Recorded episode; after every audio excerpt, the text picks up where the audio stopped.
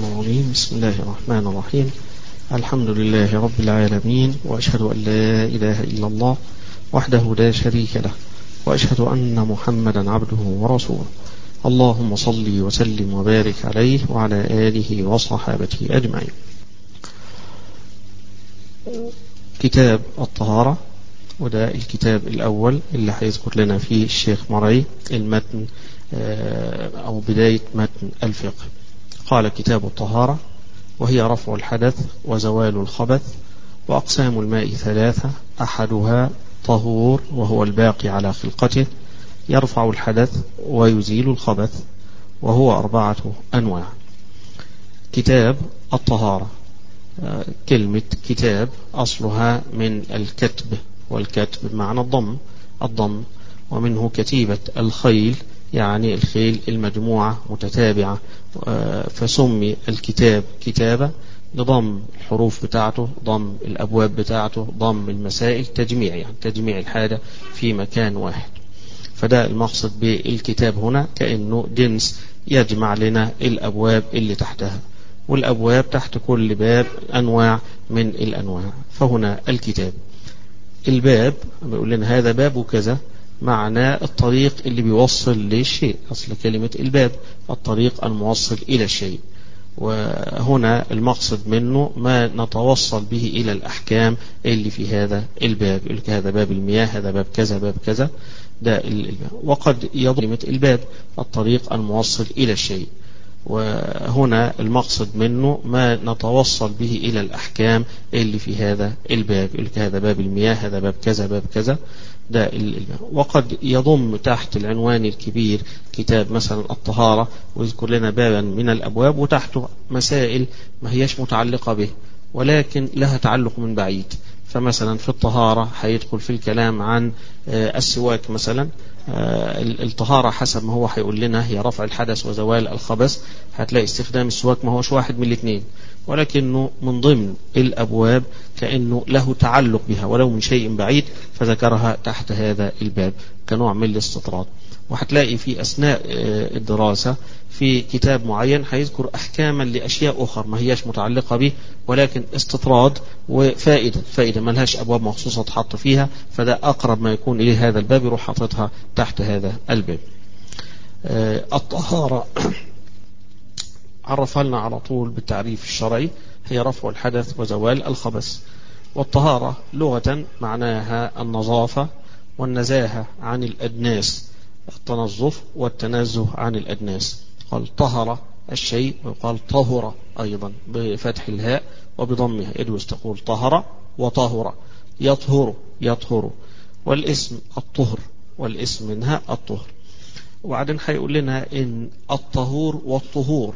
الطهور معناه الشيء الذي تتطهر به وهو الطهور يبقى المية اللي تتطهر بها هذه الطهور التراب الذي تتيمم به بهذا الطهور يبقى على ذلك الطهور اسم للشيء الذي تتطهر به. الطهور فعل الطهارة نفسها فعل الطهارة فنقول باب الطهور الطهور يبقى عملية التطهر نفسها زي الوضوء والوضوء. الوضوء الماء الذي تتوضأ به. الوضوء ده مصدر معنى الفعل فعل التوضؤ نفسه إذا الوضوء. يبقى الطهور الماء الذي تتطهر به. الطهور فعل التطهر نفسه إنك تتطهر هذا الطهور. الطهارة في اصطلاح الفقهاء يقول لنا إزالة حدث أو نجس أو ما في معناهما وعلى صورتهما. وهنا بيعرفه لنا هي رفع الحدث وزوال الخبث. رفع الحدث بيفسره الشيخ إبراهيم هنا زوال الوصف القائم بالبدن المانع من الصلاة ونحوها. يبقى رفع الحدث الحدث القائم بالإنسان عبارة عن وصف وصف الإنسان. يقول هذا محدث وهذا متوضئ هذا متطهر. وصف لهذا الإنسان قائم ببدنه يقول لنا هذا محدث. حكما حكمه أن هذا محدث. المانع من الصلاة ونحوها. زوال الوصف القائم بالبدن المانع من الصلاة ونحوها. إنسان تبول تغوط خرج منه ريح يبقى الحكم الآن أنه محدث. هذا محدث. الصفة بتاعته أنه ممنوع من أنه يصلي لكونه محدثا. هي رفع الحدث وزوال الخبث. يبقى الخبث له النجاسة. تكون على الإنسان النجاسة الحقيقية سواء هو حيرفعها فترتفع أو يرتفع حكمها للضرورة. يبقى هنا النجاسة إما تزال يا إما إنها تخفف هذه النجاسة بسبب العذر والضرورة. يبقى نقول الطهارة رفع الحدث. هترفع هذا الحدث إما بالوضوء وإما تكون على الإنسان النجاسة الحقيقية سواء هو حيرفعها فترتفع أو يرتفع حكمها للضرورة. يبقى هنا النجاسة إما تزال يا إما إنها تخفف هذه النجاسة بسبب العذر والضرورة. يبقى نقول الطهارة رفع الحدث هترفع هذا الحدث إما بالوضوء وإما بالغسل أو بالتيمم إذا كان ما فيش ماء. زوال الخبث إزالة يعني الخبث. وهنا قال زوال ما قالش إزالة لأنه الخبث قد يزول وحده قد يزول بسبب نزل المطر فأزاله وأنت ما تعرضتش للإزالة ولكن نزل المطر فأزاله. إنسان كان على جسده نجاسة غطس في البحر ماء البحر أزال ما عليه من النجاسة. يبقى هنا زوال يزول بأي صورة من الصور. المهم أنه لا يبقى درم هذا النجس مولودا. لذلك ما قالش إزالة. إزالة تحتاج لفعل ونية من هذا الذي يفعل. لا زوال النجاسة مش محتاج لنية من الإنسان. ولكن النية يؤجر عليها. أن يزيل النجاسة عن جسده فيؤجر عليه. لكن من نواش كان على جسده دم ونزل ماء المطر أزال الدم يبقى الآن هو طاهر. الآن هو طاهر ما فيش عليه نجاسة زوال الخبث النجاسة أي زوال حكمها بالاستجمار أو التيمم. أشوف هنا بيقول لنا زوال الحكم. زوال الخبث إما زواله حقيقة زي إنسان بيتشطف أخذ الماء فاستنجى بالماء يبقى أزال النجاسة حقيقة. أو أزال الحكم بتاع هذه النجاسة استخدم الحجارة مثلا فمسح المكان فأزال أغلبه. الطهارة بالماء بيزيل 100% الطهارة بالحجارة حيكون يزيل الغالب بحيث أنه الباقي لا يقدر على إزالته بالحجر.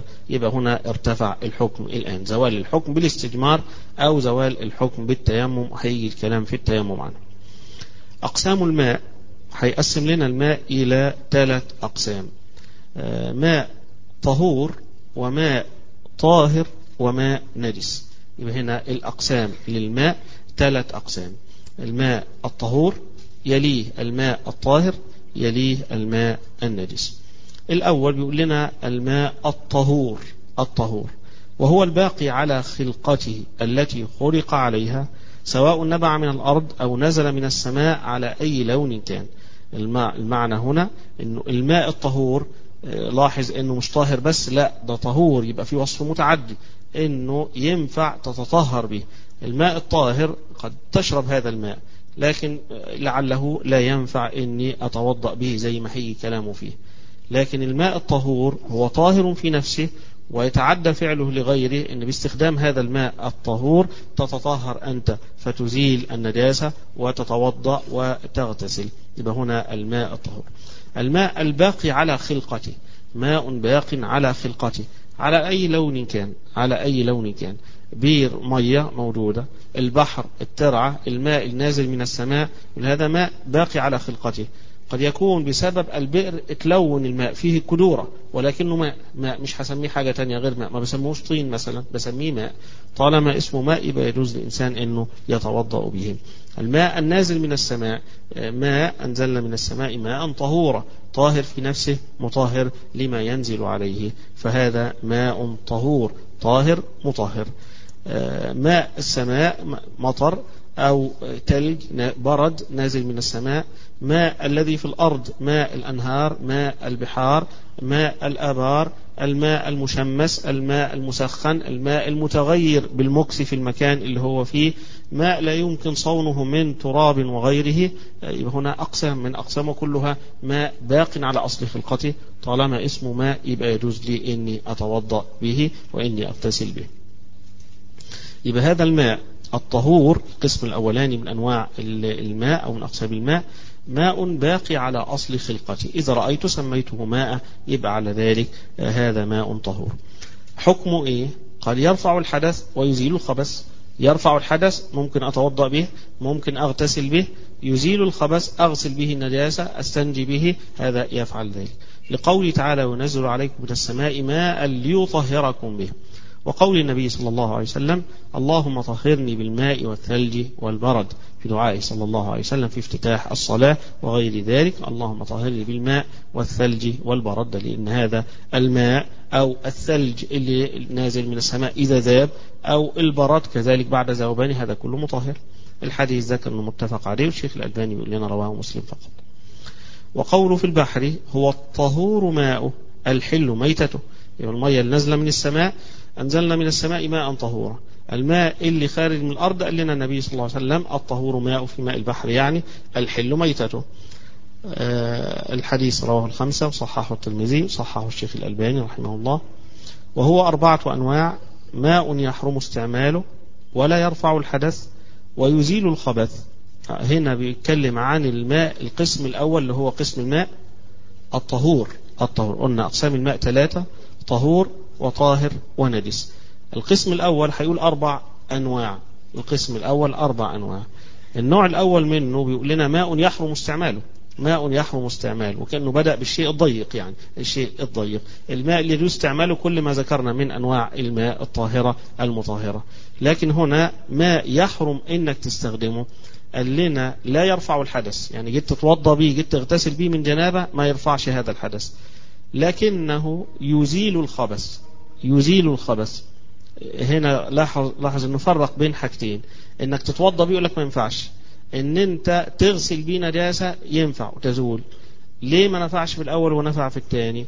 قال في الأول الوضوء والطهارة تحتاج إلى نية. إنما الأعمال بالنيات هذه عبادة. لكن الثانية زوال الخبث وزوال النجاسة هل تحتاج إلى نية؟ هذا اللي قدمناه في أول كلامنا أنها لا تحتاج إلى نية. فلو إن نزل مية من السماء أزالت نجاسه على يد الإنسان؟ خلاص انتهت. أمر النجاسه مش محتاج لنية في هذا الشيء. كذلك لو أن إنسانا كان على بدنه نجاسه دم مثلا أو بول أو غائط وإنسان آخر سرق مية وراح كببها على هذا ال ال الآخر. حكم سرقة الماء حرام. أخذ ماء مغصوبا حرام.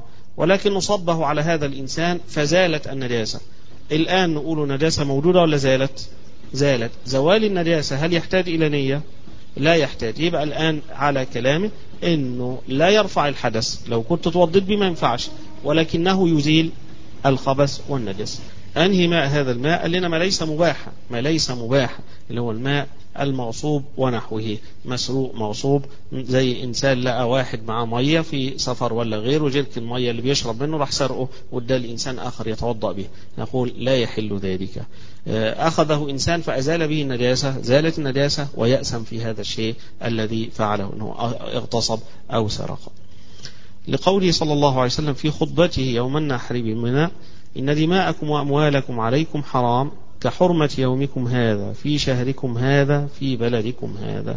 فقال الدماء والأموال والأعراض محرمة عليكم. كحرمة يومكم هذا في يوم, النحر. وهو يخطب صلى الله عليه وسلم في الناس. هذا اليوم. قال أي يوم أحرم أي يوم أحرم أي يوم أحرم. فذكر هذا اليوم اللي هو يوم النحر. فقال إن دماءكم وأموالكم وأعراضكم عليكم حرام. كحرمة يومكم هذا في شهركم هذا في بلدكم هذا.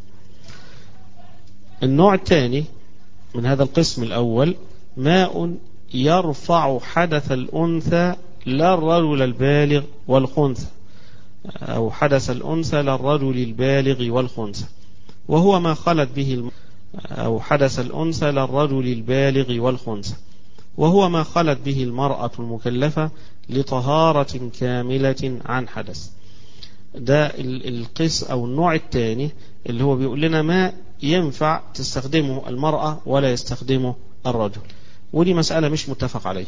بل جماهير العلماء على إنه يجوز استخدام هذا الماء. نشوف الحنابلة كلامهم إيه فيها ونشوف غيرهم بيقولوا إيه فيها. الماء يرفع حدث الأنثى لا الرجل البالغ والخنثى. لا يرفع حدث الرجل البالغ ولا الخنثى. الخنثى الإنسان المشكل اللي مش معروف ذكر ولا أنثى. هذا الخنثى. له عضو الذكورة وعضو الأنوثة. بيقول لنا هو ما خلت به المرأة المكلفة لطهارة كاملة عن حدث. فاختياره أنه إذا كان مية موجودة في حلة موجودة في إناء وتوضأت بها المرأة أو اغتسلت بها وهي وحدها ثم بقي من هذا الماء بعضه فجاء رجل يريد استخدامه يبقى ما ينفعش ما ينفعش. ليه ما ينفعش؟ قال لنا لقول النبي صلى الله عليه وسلم أو للحديث فيه أن النبي صلى الله عليه وسلم نهى أن يتوضأ الرجل بفضل طهور المرأة. نهى أن يتوضأ الرجل بفضل طهور المرأة يعني الماء المتبقي من المرأة. طبعا الكلام هنا كلام في ماء في إناء. أما مية في حنفية ما فيش مشكلة أن واحد يتوضأ وجات واحدة توضت ما فيش مشكلة. الكلام هنا الماء اللي في الإناء.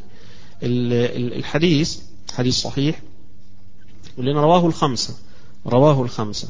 الاصطلاح بتاعه هو نفس الاصطلاح بتاع صاحب المنتقى اللي هو أبو البركات ابن تيمية لما يذكر رواه الخمسة أو الحديث المتفق عليه وإن كان هنا هيخالفه في المتفق عليه. الثاني يذكر المتفق عليه رواه أحمد والبخاري ومسلم. لكن هنا هيذكر المتفق عليه اللي هو رواه البخاري ومسلم.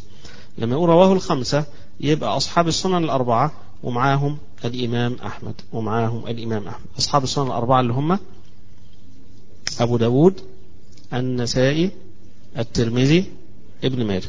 يبقى دول أصحاب السنن الأربعة. فإذا قال رواه أصحاب السنن يبقى هؤلاء الأربعة أبو داود والنسائي والترمذي وابن ماجه. فإذا قال رواه الخمسة هنضيف للأربعة دول مين؟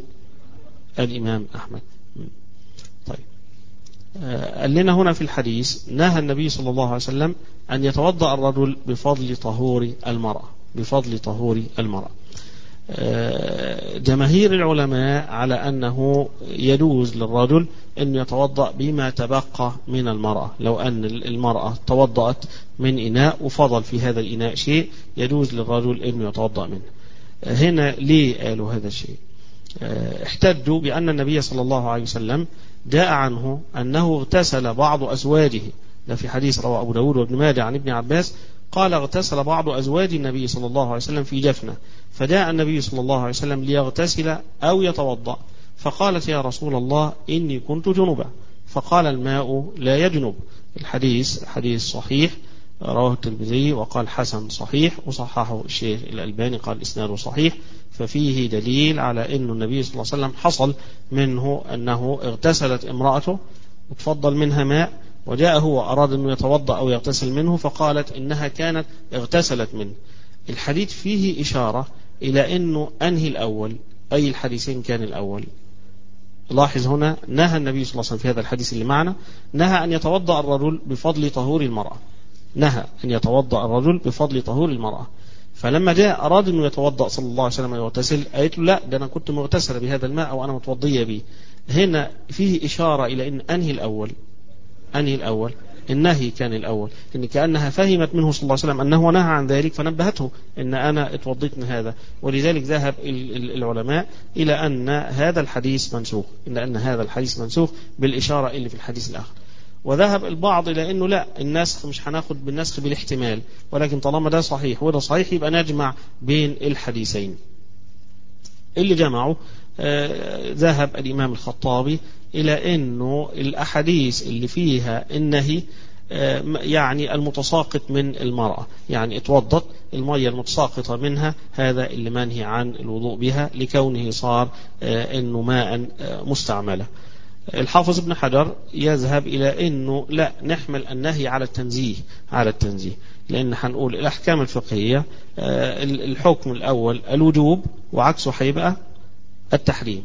في جانب الأمر يبقى واجب في جانب النهي هيبقى حرام. الحكم الثاني بعد الوجوب هيبقى الاستحباب. إذا أمر النبي صلى الله عليه وسلم بشيء وجد قرينة تصرف هذا الأمر عن الوجوب هنسميه هذا على الاستحباب. عكسه هيبقى الكراهة الكراهة.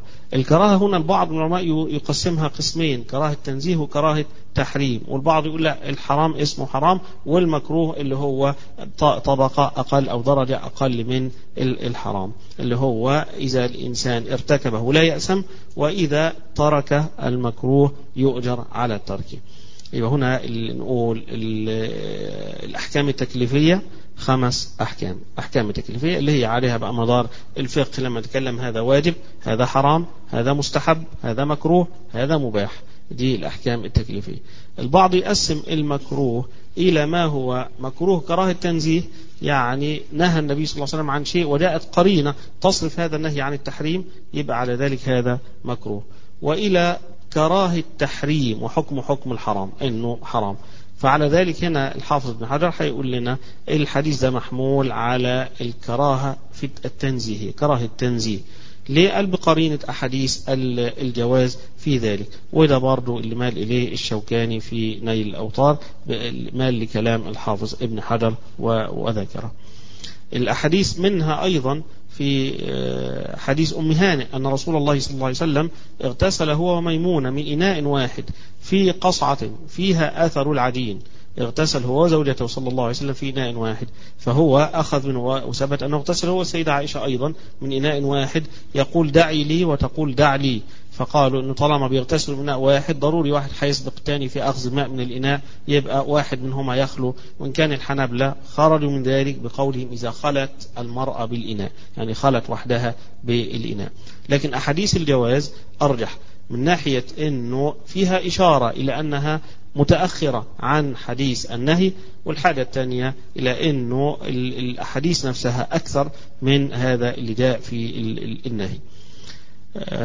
قال لنا هنا قال أحمد جماعة كرهوه بيقول الشيخ هنا وخصصناه بالخلوة لقول عبد الله بن سدس توضأ أنت ها هنا وهي ها هنا فأما إذا خلت به فلا تقربنه ده اختيار عبد الله بن سرجس أحد أصحاب النبي صلى الله عليه وسلم مذهبه يعني ذلك أن المرأة توضأ لوحدها في إناء والرجل يتوضأ لوحده في إناء ما يتوضاش بالباقي من المرأة. ولكن الأحاديث اللي فيها الجواز أكثر وأرجح. من ناحية أن النبي صلى الله عليه وسلم علل لما قالت له المرأة إني اغتسلت من هذا الإناء فقال لها النبي صلى الله عليه وسلم إن الماء لا يجنب فتوضأ أو اغتسل منه صلى الله وسلامه عليه ويقينا هي خلت به قبل النبي صلى الله عليه وسلم لأنه لو رآها صلى الله عليه وسلم ما كانتش احتاجت تخبره. النوع الثالث من القسم الأول القسم الأول هو كان إيه؟ الماء الطهور الماء الطهور. النوع الثالث بتاعه ماء يكره استعماله مع عدم الاحتياج إليه. ماء يكره يعني الإنسان يحتاط في مثل ذلك فيكره ولا يحرم عليه. زي إيه؟ قال هو ماء ماء بئر بمقبرة. ماء بئر بمقبرة. مقبرة فيها بير وهنا مش مش فيها حنفية صدقه لا حنفية صدقه الميه دخلت ماسوره ملهاش علاقة بهذا الشيء لكن الكلام إنه محفور فيها كأنه يعني نوع من الاحتياط إنه البير اللي موجودة في المقبرة ضروري حيكون في من آثار الجثث المتحللة اللي في الأرض لعل دخل فيها شيء فكانوا يحتطون يعني لكنه لا يحرم لا يحرم الاستخدام لهذا الماء. قال في الفروع الفروع بتاعت كتاب الفروع بتاع ابن مفلح. الفروع بتاع ابن مفلح اللي هو اعتمد عليه من ضمن الكتب اللي اعتمد عليها الشيخ إبراهيم في الشرح. قال في الفروع في الأطعمة يعني في باب الأطعمة ابن مفلح. الفروع بتاع ابن مفلح اللي هو اعتمد عليه من ضمن الكتب اللي اعتمد عليها الشيخ إبراهيم في الشرح. قال في الفروع في الأطعمة يعني في باب الأطعمة وكره أحمد ماء بئر بين القبور وشوكها وبقلها كره وهنا الكراهة ليس على التحريم ما هيش تحريم؟ والإمام أحمد مش هيحل ولا يحرم ولكن كره ذلك كنوع من التورع والاحتياط في ذلك. قال ابن عقيل كما سمد بنجس والجلالة كما سمد بنجس والجلالة. اللي سمت بنجس هناخده في كتاب الأطعمة وهنقول الراجح فيها أنه إذا لم يكن مؤذيا طبيا فالراجح أنه يجوز أكله. زي أرض زراعية حطوا فيها عذرات أو حطوا فيها شيء كنوع من الأسمدة اللي وضعت فيها. فالراجح جواز أكل الطعام اللي بيأتي منها إلا أن يمنع مانع طبي أن يكون هذا الشيء فيه أذى على الأبدان يبقى لا يجوز هنا لحديث لا ضرر ولا ضرار. لكن إذا كان ما فيش مانع طبي فعلى ذلك هنا الشيء اللي وضع في الأرض تحلل في الأرض. ولما دخل إلى الزرع دخل على هيئة أخرى غير الهيئة اللي كان عليها وهو فيها. وحنشرحها في الأطعمة إن شاء الله. لكن الجلالة جاء فيها نهي عن النبي صلى الله عليه وسلم. جاء نهي عن أكل الجلالة وعن ركوب الجلالة وعن لبن الجلالة. والجلالة هيجي تفسيرها إن هي شيء من بهاي من بهيمة الأنعام أو حيوان من مأكول اللحم إذا تربى على النجاسة. كان العلف بتاعه النجاسة. متربي على العذرات والنجاسة يبقى اللحم بتاعه هيكون لحما منتنا يبقى على ذلك لا يؤكل هذا اللحم لغاية ما يتغير المرعى بتاعته فترة يتغير لحمه فيها فيجوز أن تأكل. وهيجي شرح إن شاء الله. يبقى هنا الماء اللي يكره استعماله قال لنا زي ماء بئر مقبرة وقلنا إن هو لا يحرم وماء اشتد حره أو برده. ماء اشتد حره أو برده. والكراهة هنا هيكون للأذى يؤذي الإنسان. والحاجة الثانية عدم إسباغ الوضوء. لا يتخيل إن واحد هينزل عليه مية مغلية وهيعرف يتوضى بها. فهنا فرضنا إنسان جازم وفعل هذا الشيء ولم يتأذى يقال هذا يكره هنا. إذا كان فيه أذى يبقى يحرم. يحرم مش يكره فقط يحرم على الإنسان يعرض نفسه للأذى. ماء اشتد حره أو برده أو برده. لأنه يؤذي ويمنع كمال الطهارة. أو سخن بنجاسة أو بمغصوب. أو سخن بنجاسة أو بمغصوب. سخن بنجاسة كأنه يعني بيقول إنه مش هيسلم إذا كان نجاسة وقاد فيها النار وحط عليها حلة مية يغليها يمكن يطير حاجة من النجاسة يدخل فيها. والراجح إن هذه النجاسة إذا النار حرقتها تحولت إلى شيء آخر ولم تبقى على النجاسة والاستحالة مغيرة تغير الحكم اللي فيها وهي مطهرة لها. فعلى ذلك مسألة إنه إنه, إنه يكره إذا سخن بنجاسة الراجح لا. إلا أن يكون سدا للذريعة عشان ما يتعودش الإنسان يجيب نجاسات ويولع فيها ويستخدم يقوم يلوث إيديه ويتعود على استخدام النجاسة. كسدا للذريعة ما فيش مانع. نقول هنا يكره أو بمغصوب أو بمغصوب إذا علم أن هذا الماء سخن بمغصوب يبقى هنا يتورع ولا يستخدمه. حتى لا يشجع من يغصب من, من يغتصب أنه يستخدم الماء الذي عنده. فكنوع من التورع وإن كان لا يحرم لأن هذا اللي غصب استخدم الشيء المغصوب فأحرقه. لكن الماء الآن ليس مغصوبة الماء طاهر والماء حلال. الماء الموصوب هو الذي لا يجوز لك أن تستخدمه في رفع الحدث. لا يجوز استخدامه في رفع الحدث فهو لا يرفع الحدث. لكن الماء الذي سخن بنجاسة أو الماء الذي سخن بشيء موصوب فالمسلم يتورع من استخدامه ولا يحرم. قال لنا في الحديث دع ما يريبك إلى ما لا يريبك. دع ما يريبك من رابع. راب فعل ثلاثي فالمضارع بتاعه يبقى مفتوح أوله. يبقى هنا دع ما يريبك إلى ما لا يريبك. رواه النسائي والترمذي وصححه الحديث حديث صحيح. أو استعمل في طهارة لم تجب. أو استعمل في طهارة لم تجب. آه يبقى هنا كأنه عايز يقول في طهارة واجبة وطهارة غير واجبة. الطهارة الواجبة إنسان على جنابة يبقى يجب عليه الغسل عشان الصلاة. اغتسل هو هيختار وده مذهب الجمهور وهنشوف كلامهم بعد كده إن الماء المستعمل في رفع الحدث لا يجوز استعماله في رفع حدث مرة ثانية. يبقى خليك فاكر دي لغاية ما نوصل لها. فهو عايز يقول إنه إذا استعمل في طهارة غير واجبة يبقى كأن إنسان بقى مش على جنابة واغتسل بماء كنوع من التبرد حران اغتسل وحاطط طشت مية واقف فيه صب على نفسه مية للتبرد. طب المية الآن اللي هذا اغتسل بها ليس لرفع الجنابة مش لرفع الجنابة. هل يجوز استخدامها مرة ثانية؟ هو يقول لنا أن هنا يكره. يعني المعنى أنه آه يجوز استخدامها ولكن على وجه الكراهة للتقذر يعني. كأنه هيقول لو ارتفع بهذا الماء حكم الجنابة يبقى لا يجوز له إنه يستخدم يستخدم مرة ثانية هذا الماء. هنشوفها بعد شوي. قال أو استعمل في طهارة لم تجد لتجديد تجديد وضوء يعني أو تجديد نوع من غسل التبرد وغسل جمعة وغسل جمعة والراجح أن غسل الجمعة مستحب متأكد الاستحباب ليس واجبا. أو في غسل كافر أو في غسل كافر يعني عايز يقول لو إن مية طبعا الاستخدام هذه الأشياء مش هيجي الإنسان مع وجود مية كثيرة ويقوم يلجأ لهذا الماء ويترك الماء الآخر. ولكن مع الحاجة إلى ذلك ما فيش إلا هو ده. هل يستخدم ولا لا يستخدم؟ يبقى هنا ربنا سبحانه وتعالى ما جعل علينا في الدين من حرج. فالإنسان إذا وجد استخدم الماء الطاهر المطهر إذا لم يجد ربنا سبحانه وتعالى جعل له التراب يتيمم. لكن في أشياء تعافها نفوس البشر. فهنا جعل أن هذه من مما يكره الإنسان أنه يستخدمه. فمثلا استخدم في غسل كافر. فرضنا إن مية موجودة في بانيو كبير مليان مية آه إنسان كافر كان نظيفا هذا الكافر دخل جواها وطلع دخل جواها وطلع. آه هنا الآن جسده كان نظيفا. هنقول آه إذا لم يكن عليه نجاسة فالحكم هو ما رفعش عن نفسه جنابة مثلا ما رفعش. الماء الآن ماء مستعمل ولكن ليس لرفع حدث من الأحداث. فعلى ذلك يقول هذا يكره هذا يكره استخدامه ولا يحرم. فإذا استخدمه إنسان فتوضأ به فوضوءه صحيح. أو أو في غسل كافر خروجا من الخلاف خروجا من الخلاف يعني عايز يقول من العلماء من قال يسلبه الطهورية يبقى على ذلك هو طاهر ولكن ليس مطهرا يبقى ما ينفعش يتوضا به. أو إنه يقول تنجس بملامسته مثلا. أو تغير بملح مائي أو تغير بملح مائي كالملح البحري لأنه منعقد من الماء. مية البحر ماء مالح يجوز توضا وتغتسل بها. لكن أنت جبت مية عذبة مولودة من الحنفية وبعدين رحت صابب عليها ملح حطيت عليها ملح.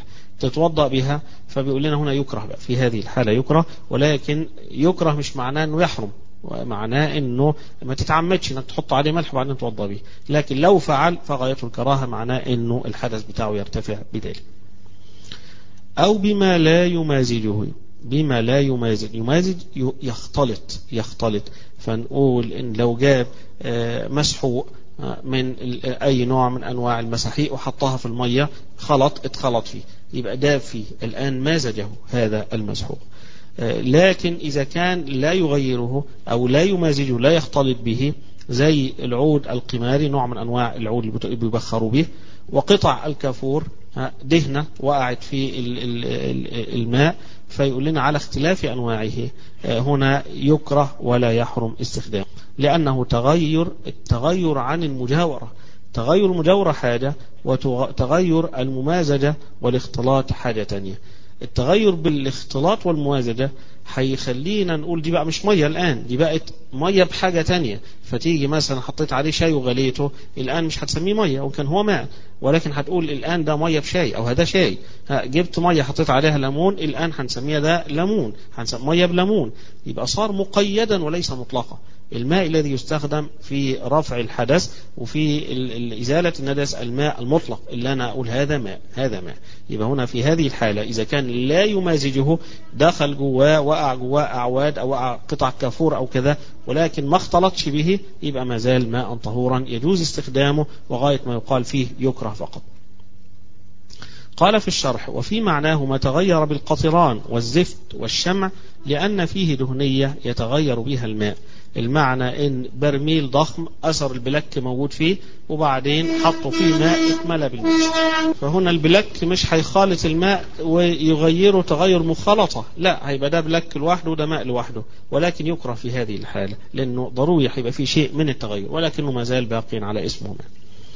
لا يكره ماء زمزم إلا في إزالة الخبث. يعني يجوز ماء زمزم يغتسل به يجوز يتوضا بماء زمزم ولكن يكره في إزالة ماء ماء عظيم والنبي صلى الله عليه وسلم قال لنا ماء زمزم لما شرب له لما شرب له. فماء زمزم طعام طعم وشفاء سقم. هذا الماء العظيم ما يجيش بقى إنسان يقوم يزيل به النجاسة فيكره في هذه الحالة أنه يزيل به النجاسة. تعظيما له. ولا يكره الوضوء والغسل منه. لحديث أسامة أن رسول الله صلى الله عليه وسلم دعا بسدل من ماء زمزم فشرب منه وتوكره في هذه الحالة أن يزيل به النجاسة تعظيما له. ولا يكره الوضوء والغسل منه. لحديث أسامة أن رسول الله صلى الله عليه وسلم دعا بسدل من ماء زمزم فشرب منه وتوضأ. دعا بسدل السدل والذنوب معنى جردل يعني جردل. دلو يأخذ من ماء زمزم فشرب منه وتوضأ صلوات الله وسلامه عليه. الحديث رواه أحمد عن علي رضي الله عنه وحسنه الألباني. وعنه يكره. هنا بقى هتلاقي كلمة وعنه يقصد بها مين؟ عن الإمام أحمد عن الإمام أحمد. يبقى قول آخر للإمام أحمد في المسألة أنه يكره الغسل أن الإنسان يغتسل بماء زمزم. قال لقول العباس لا أحلها لمغتسل لا أحلها لمغتسل. وهنا العباس مش هو اللي بيحل ولا يحرم ولا ما بيحلش ولا يحرم. لكنه كأن ابن العباس هو اللي كان صاحب السقاية. هو وآل بيته كانوا أصحاب السقاية. فلما هيغرف من ماء زمزم الناس يشربوا وهياخدها واحد عشان يغتسل دول يتعبوا يطلعوها من البير ودول ياخدوها يغتسلوا بها فكأنه قال ذلك. ولكن فرضنا أن الإنسان عنده كمية تكفي لذلك الأولى أنه يشربها ويعطي لمن يشرب ويدعو أفضل من أنه يغتسل بها. لكن لو اغتسل لا شيء. خص الشيخ تقي الدين. الشيخ تقي الدين هنا اللي هو مين؟ آه شيخ الإسلام ابن تيمية. هو هيعبر عنه دايما يقول الشيخ تقي الدين. خص الكراهة بغسل الجنابة. خص الكراهة بغسل الجنابة. الإنسان يعني يبقى على جنابة فيغتسل بماء زمزم. وطبعا الكراهة تحتاج لدليل فيها أنه يكون فيها نهي من النبي صلى الله عليه وسلم عنه. لكنه الإشارة في أنها طعام طعم وشفاء سقم وماء زمزم لما شرب له يبقى هنا كأن إشارة إلى أنه للشرب ده الأصل فيه. ماء زمزم للشرب ما هواش لرفع جناس الجنابة ولا غيره القسم الأولاني بنتكلم عن الماء الطهور. النوع الرابع بتاعه ماء لا يكره استعماله. ماء لا يكره وده كان المفروض يكون القسم الأول أو النوع الأول منه الماء اللي هو بيستخدم.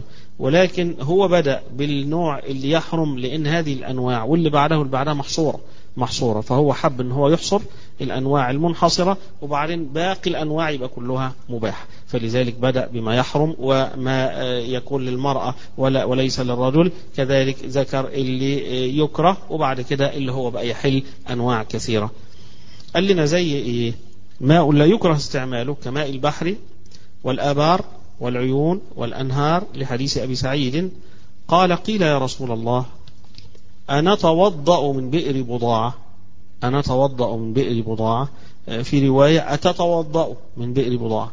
كأنه يعني بيتعجب من هذه البئر توضأ ليه تعجبه بيفسر يقول وهي بئر يلقى فيها الحيض ولحوم الكلاب والنتن.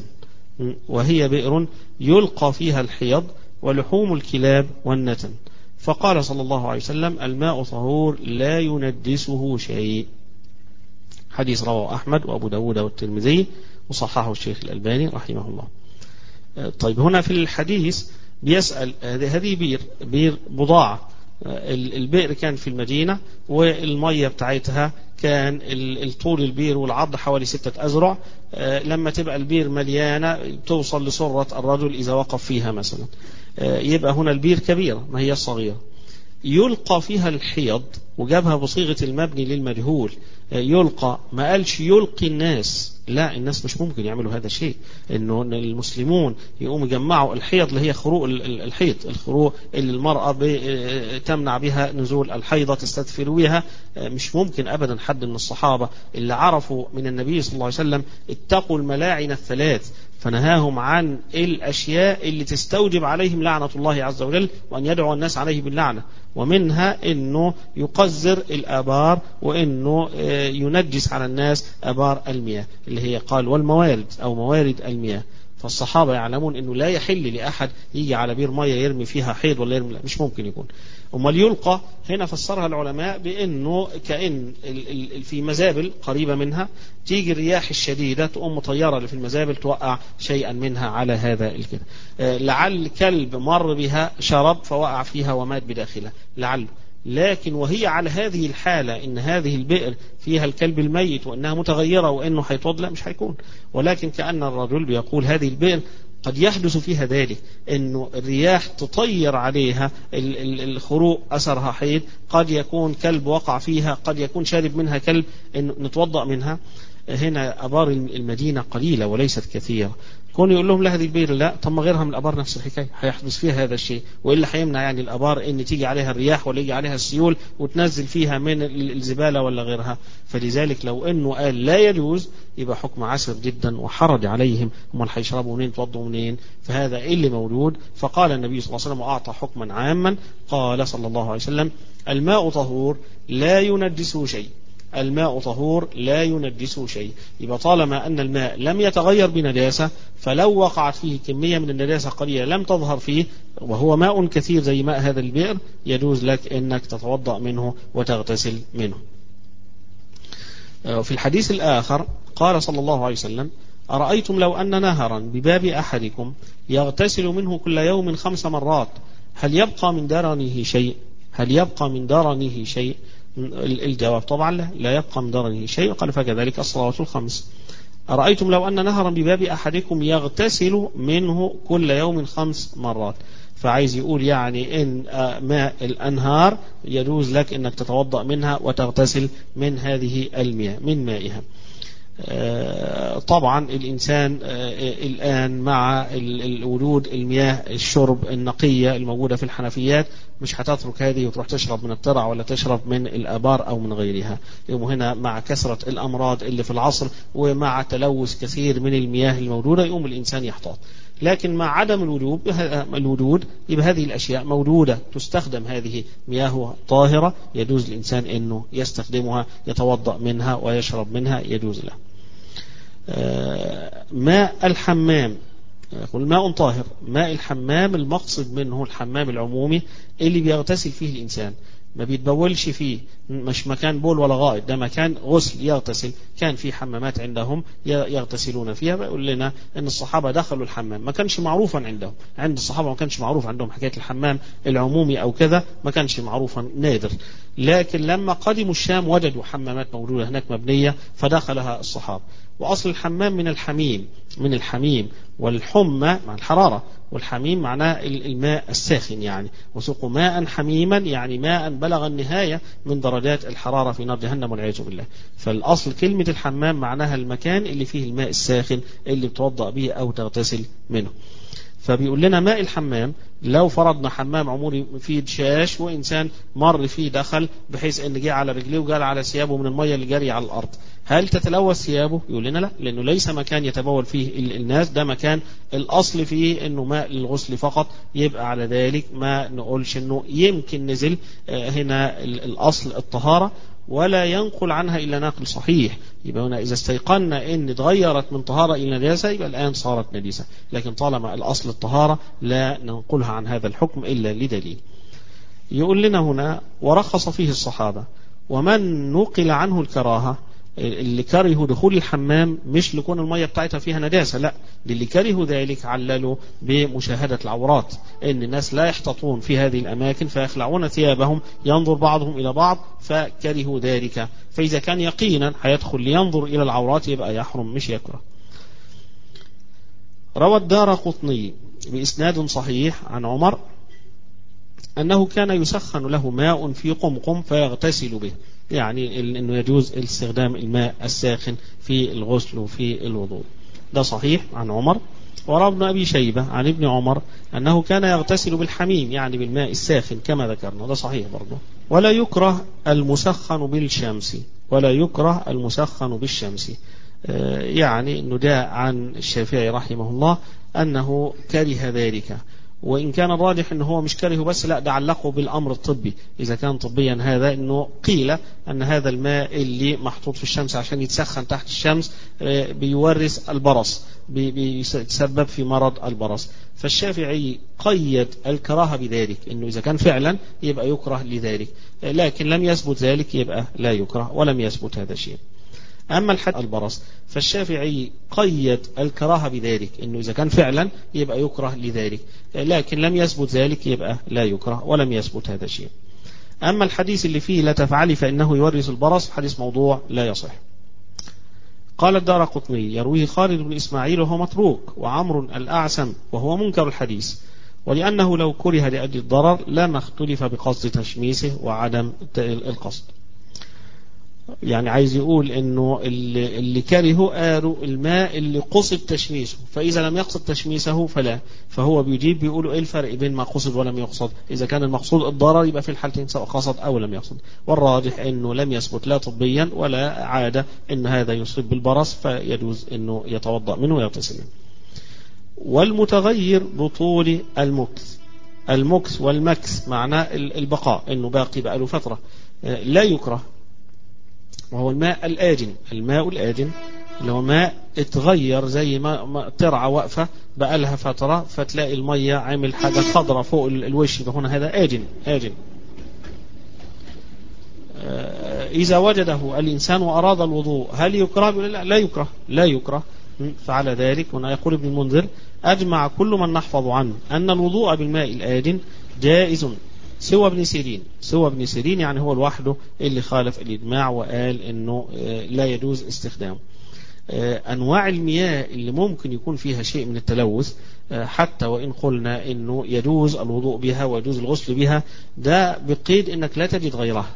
لكن إذا وجدت غيرها يبقى لا يستحب لك ذلك لأنه قد يكون فيها شيء من الأذى تتأذى منه مع كثرة البلاء اللي في زماننا والميكروبات الكثيرة والجراثيم والتلوث المياه الجوفية اللي موجودة في الأرض وغيرها يبقى ما يجيش الأمر أنه ألاقي المية اللي في الحنفية أسيبها وأروح لمية الترعة أتوضأ منها ونؤذي نفسي بها يبقى هنا الكلام أنه هذا الماء إذا وجدته ما لقيتش غيره لا يجوز لك أنك تتوضأ به. ولكن احتط لنفسك. إذا احتطت لنفسك هات مية وغليتها عشان الميكروبات اللي فيها وبعد كده صبرت لما بردت وتوضيت بها كان أفضل لك. لكن ما يجيش إن إحنا نقول للناس روح اتوضى من الترعه جائز إن ماء مباح وإنه ده صحيح هو الأصل فيه ذلك. ولكن مع وجود الضرر ومع وجود البدائل يبقى الأصل إنك لا تؤذي نفسك بشيء من هذا من شرب مياه قد تكون ملوثة قد يكون فيها بالهرسيه فيها شيء يؤذيك. فما ناخدش كلام الفقهاء كده على إنه الماء هذا مباح يبقى روح اشرب منه واعمل فيه. هنا لا لا تفعل هذا الشيء في بسبب ما فيه من تلوثات في زماننا. يقول لنا وكذلك ما تغير في أنية الأدم والنحاس. لأن الصحابة كانوا يسافرون وغالب أسقيتهم الأدم الجلود الجلود ياخد جلد الشاة وبعدين المرأة تخيط منه قربة يملاها مية يسافر بيها هنا القربة اللي فيها المية ضروري هتشم ريحتها هتلاقي ريحتها فيها شيء من الزهومة ولكن يجوز انك تتوضأ بمثلها يجوز الوضوء منها والغسل منها.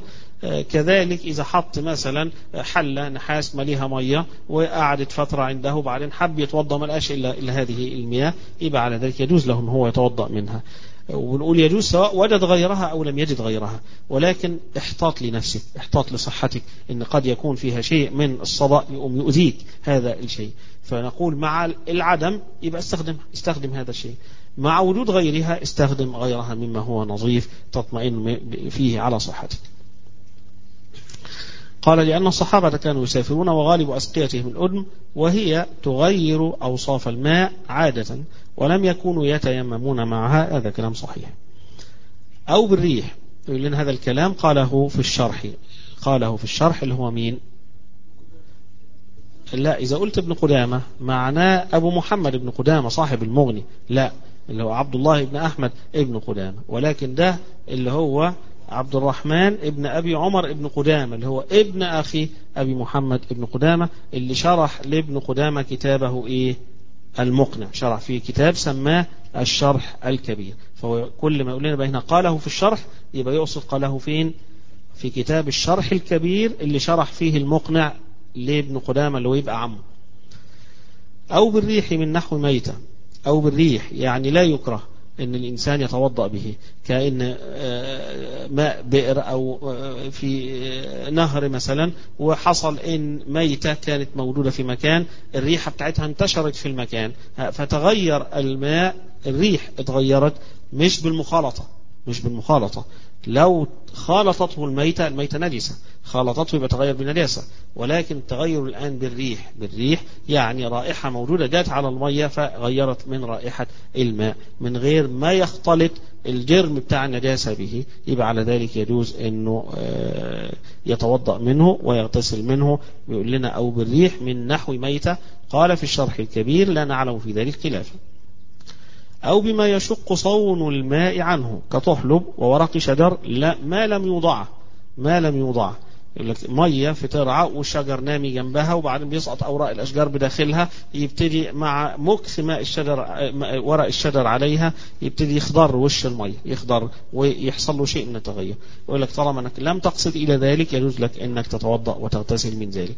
بخلاف ما لو جبنا ورق الشجر حطيناه في حلة مية ونقعناه فترة اتغير يبقى الآن التغير تغير إيه؟ مخالطة. إذا المية بقت خضراء اتغيرت بقى نقول دي مية ورق الجوافة دي مية ورق الكذا. يبقى تغير بها يبقى الآن هذا طاهر ولكن ليس مطهرا لغيره. قال ما لم يوضع يعني ما لم يتعمد وضع هذا في هذا المكان يتنقع في هذا الورق في الحلة مثلا يبقى تغير اسم الماء الآن.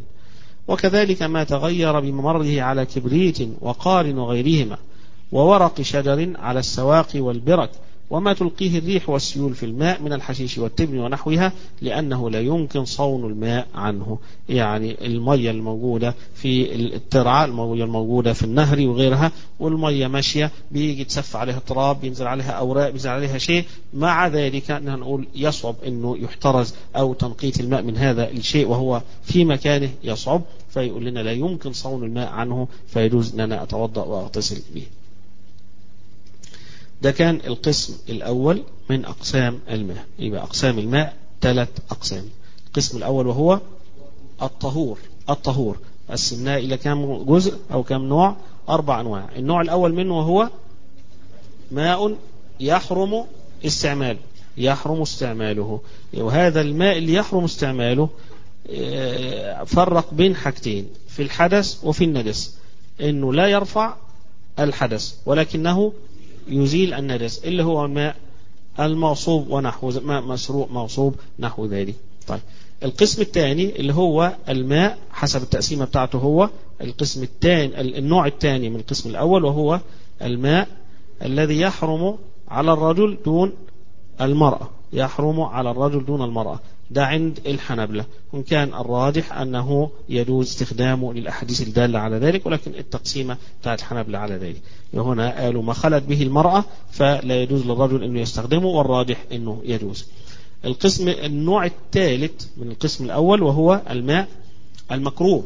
الماء الذي يكره استعماله. وده أنواع زي ما ذكر لنا الماء اللي في المقبرة الماء اللي خلطه شيء وقع فيه مش عارف كده حسب ما قدمنا الأنواع بتاعته النوع الرابع منه وهو الماء اللي هو بقى المباح بقى إنك تستخدمه لرفع الحدث وازاله النجس ماء الأبار والعيون وماء السماء وغير ذلك. طيب يبقى ده القسم الأولاني، القسم الثاني ماء طاهر. ماء طاهر. الأولاني كان طهور يبقى طاهر في نفسه مطهر لغيره. النوع الثاني الطاهر الذي يجوز استعماله في غير رفع الحدث وزوال الخبث. استخدمه بس ما ينفعش لا في رفع الحدث ولا في إزالة الخبث. اللي هو ما تغير كثير من لونه أو طعمه أو ريحه بشيء طاهر. ولاحظ القيد ما تغير كثير كثير. المعنى إنه ممكن يتغير شيء من الطعم شيء من الريح ولكنه باقي على أصل خلقته لكن تغير كثير يبقى على ذلك الآن. إذا تغير بطاهر يبقى هو طاهر ولكنه لا يرفع الحدث ولا يزيل آه النجس. قال هو ما تغير كثير من لونه أو طعمه أو ريحه بشيء طاهر غير اسمه حتى صار صبغا. قلنا المية حط فيها أصباغ الآن بنقول دي صبغة دي صبغة دي ماء ألوان يبقى هذا حبر يبقى هنا ما اسموش ماء طهور ولكن بنقول له دي مية كذا يبقى على ذلك حتى وإن كان طاهرا ولكن ما يصلحش إن أنا أطهر به شيئا. أو صار خلا أو طبخ فيه فصار مرقة أو حطيت فيه شاي وغليته بقى شاي أو بقى ليمون قال في الكافي في الكافي مين؟ صاحب الكافي آه الإمام أبو محمد ابن قدام اللي هو نفسه صاحب المغني. بغير خلاف لأنه أزال عنه اسم الماء فأشبه الخل يبقى الماء اللي أنا يجوز أستخدمه في الطهارة الماء الباقي على أصل خلقته. اللي أقول ده مي دي مي. لكن إذا قلت دي مية بكذا يبقى الآن هي طاهرة يجوز أكلها أستخدمها في الأكل أو في الشرب لكن ما تنفعش في الطهارة. فإن زال تغيره بنفسه عاد إلى طهوريته. فإن زال تغيره بنفسه. يعني هذا الشيء اللي كان طاهرا وقعت فيه طهارة ماء طاهر وطهور. وقع فيه شيء طاهر فأخرجه عن اسمه. بقى اسمه الآن خل اسمه الآن صبغة اسمه الآن شاي. فبيقول إذا زال التغير بنفسه عاد إلى طهوريته. هنا في بقى إذا زال التغير بنفسه. يعني هو الماء كان اسمه الآن بسميه مية بكذا الشيء اللي فيه ده لوحده بدأ يهبط لغاية ما بقت المية صافية زي ما كانت. هيقول لنا هيعود إلى طهوريته. طب إذا زال هذا التغير يعني هو الماء كان اسمه الآن بسميه مية بكذا الشيء اللي فيه ده لوحده بدأ يهبط لغاية ما بقت المية صافية زي ما كانت. هيقول لنا هيعود إلى طهوريته. طب إذا زال هذا التغير بغيره. هو هنا بيقول إذا زال التغير بنفسه لأن هو ده اللي كان يتخيله في عهده أنه زال التغير بنفسه. لكن الآن مع التبخير والتكثيف تحلية المياه يبقى ممكن أنه يزول بفعل فاعل يزول بفعل فاعل. له نفس الحكم له الحكم نفسه. إذا كان الأمر أنه هذا طاهر خالط طاهرا خالط الماء الطاهر فأخرجه عن كونه طاهرا مطهرا. وبقى ماء مقيدا وبعدين اتعمل فيه شيء بحيث إنه يتبخر وبعدين يتكثف ويبقى المية لوحده والشيء الثاني لوحدها. والآن رجع ماء كما كان على ذلك يجوز استخدامه في الطهارة. قال ومن الطاهر يعني من أنواع الطاهر ما كان قليلا واستعمل في رفع الحدث. هنا بقى اللي هنسميه الماء الإيه؟ المستعمل. الماء المستعمل. مستعمل في رفع الحدث. يعني مية قليلة وخدتها اتوضيت منها. بعد ما اتوضيت هي موجودة في حلة أنت اتوضيت بداخل الحلة. بقي هذا الماء اللي أنت استخدمته جوه الحلة. هل يجوز لك أنت تستخدمه مرة ثانية؟ أو يجوز لحد أنه يستخدم هذا الماء اللي أنت توضيت به وتساقط منك جوه هذا الإناء؟ بيقول لنا هنا هذا طاهر ماء طاهر ولكن ليس طهورا. ليس مطهرا لغيره. ما ينفعش إن أنت ترفع به الحدث. من الطاهر ما كان قليلا واستعمل في رفع حدث. لأن النبي صلى الله عليه وسلم صب على جابر من وضوئه. المعنى صب على جابر من وضوئه أن الماء الوضوء ماله ماء طاهر وإلا ما كانش صب على جابر منه. خلافا لمن قال إن الماء المستعمل في الإزاء في رفع الحدث يصير نجسة وده مذكور عن الأحناف. فعلى ذلك يقول لنا إن الماء هذا اللي أنت توضيت به لرفع الحدث هو ماء طاهر ولكن ما ينفعش تتوضأ به مرة أخرى لرفع الحدث.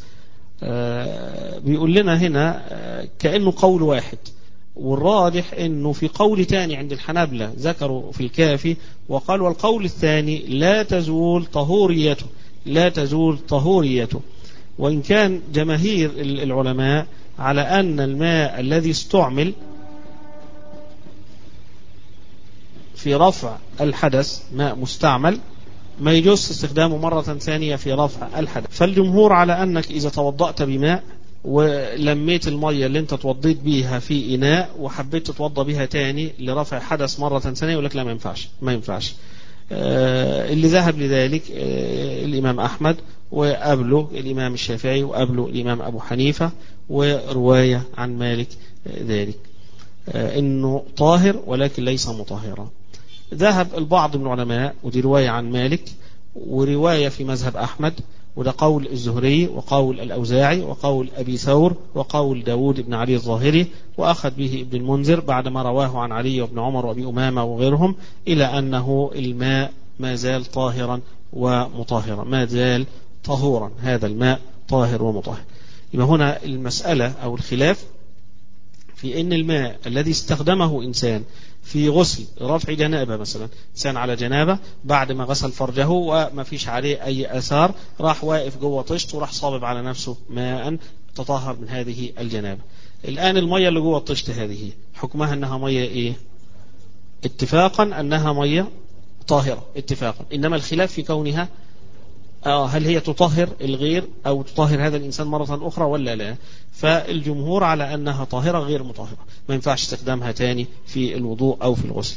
البعض أنه يجوز استخدامها مرة ثانية. دي مسألة طويلة نرجعها المرة الجاية نبتدي بها ونذكر الخلاف اللي فيها.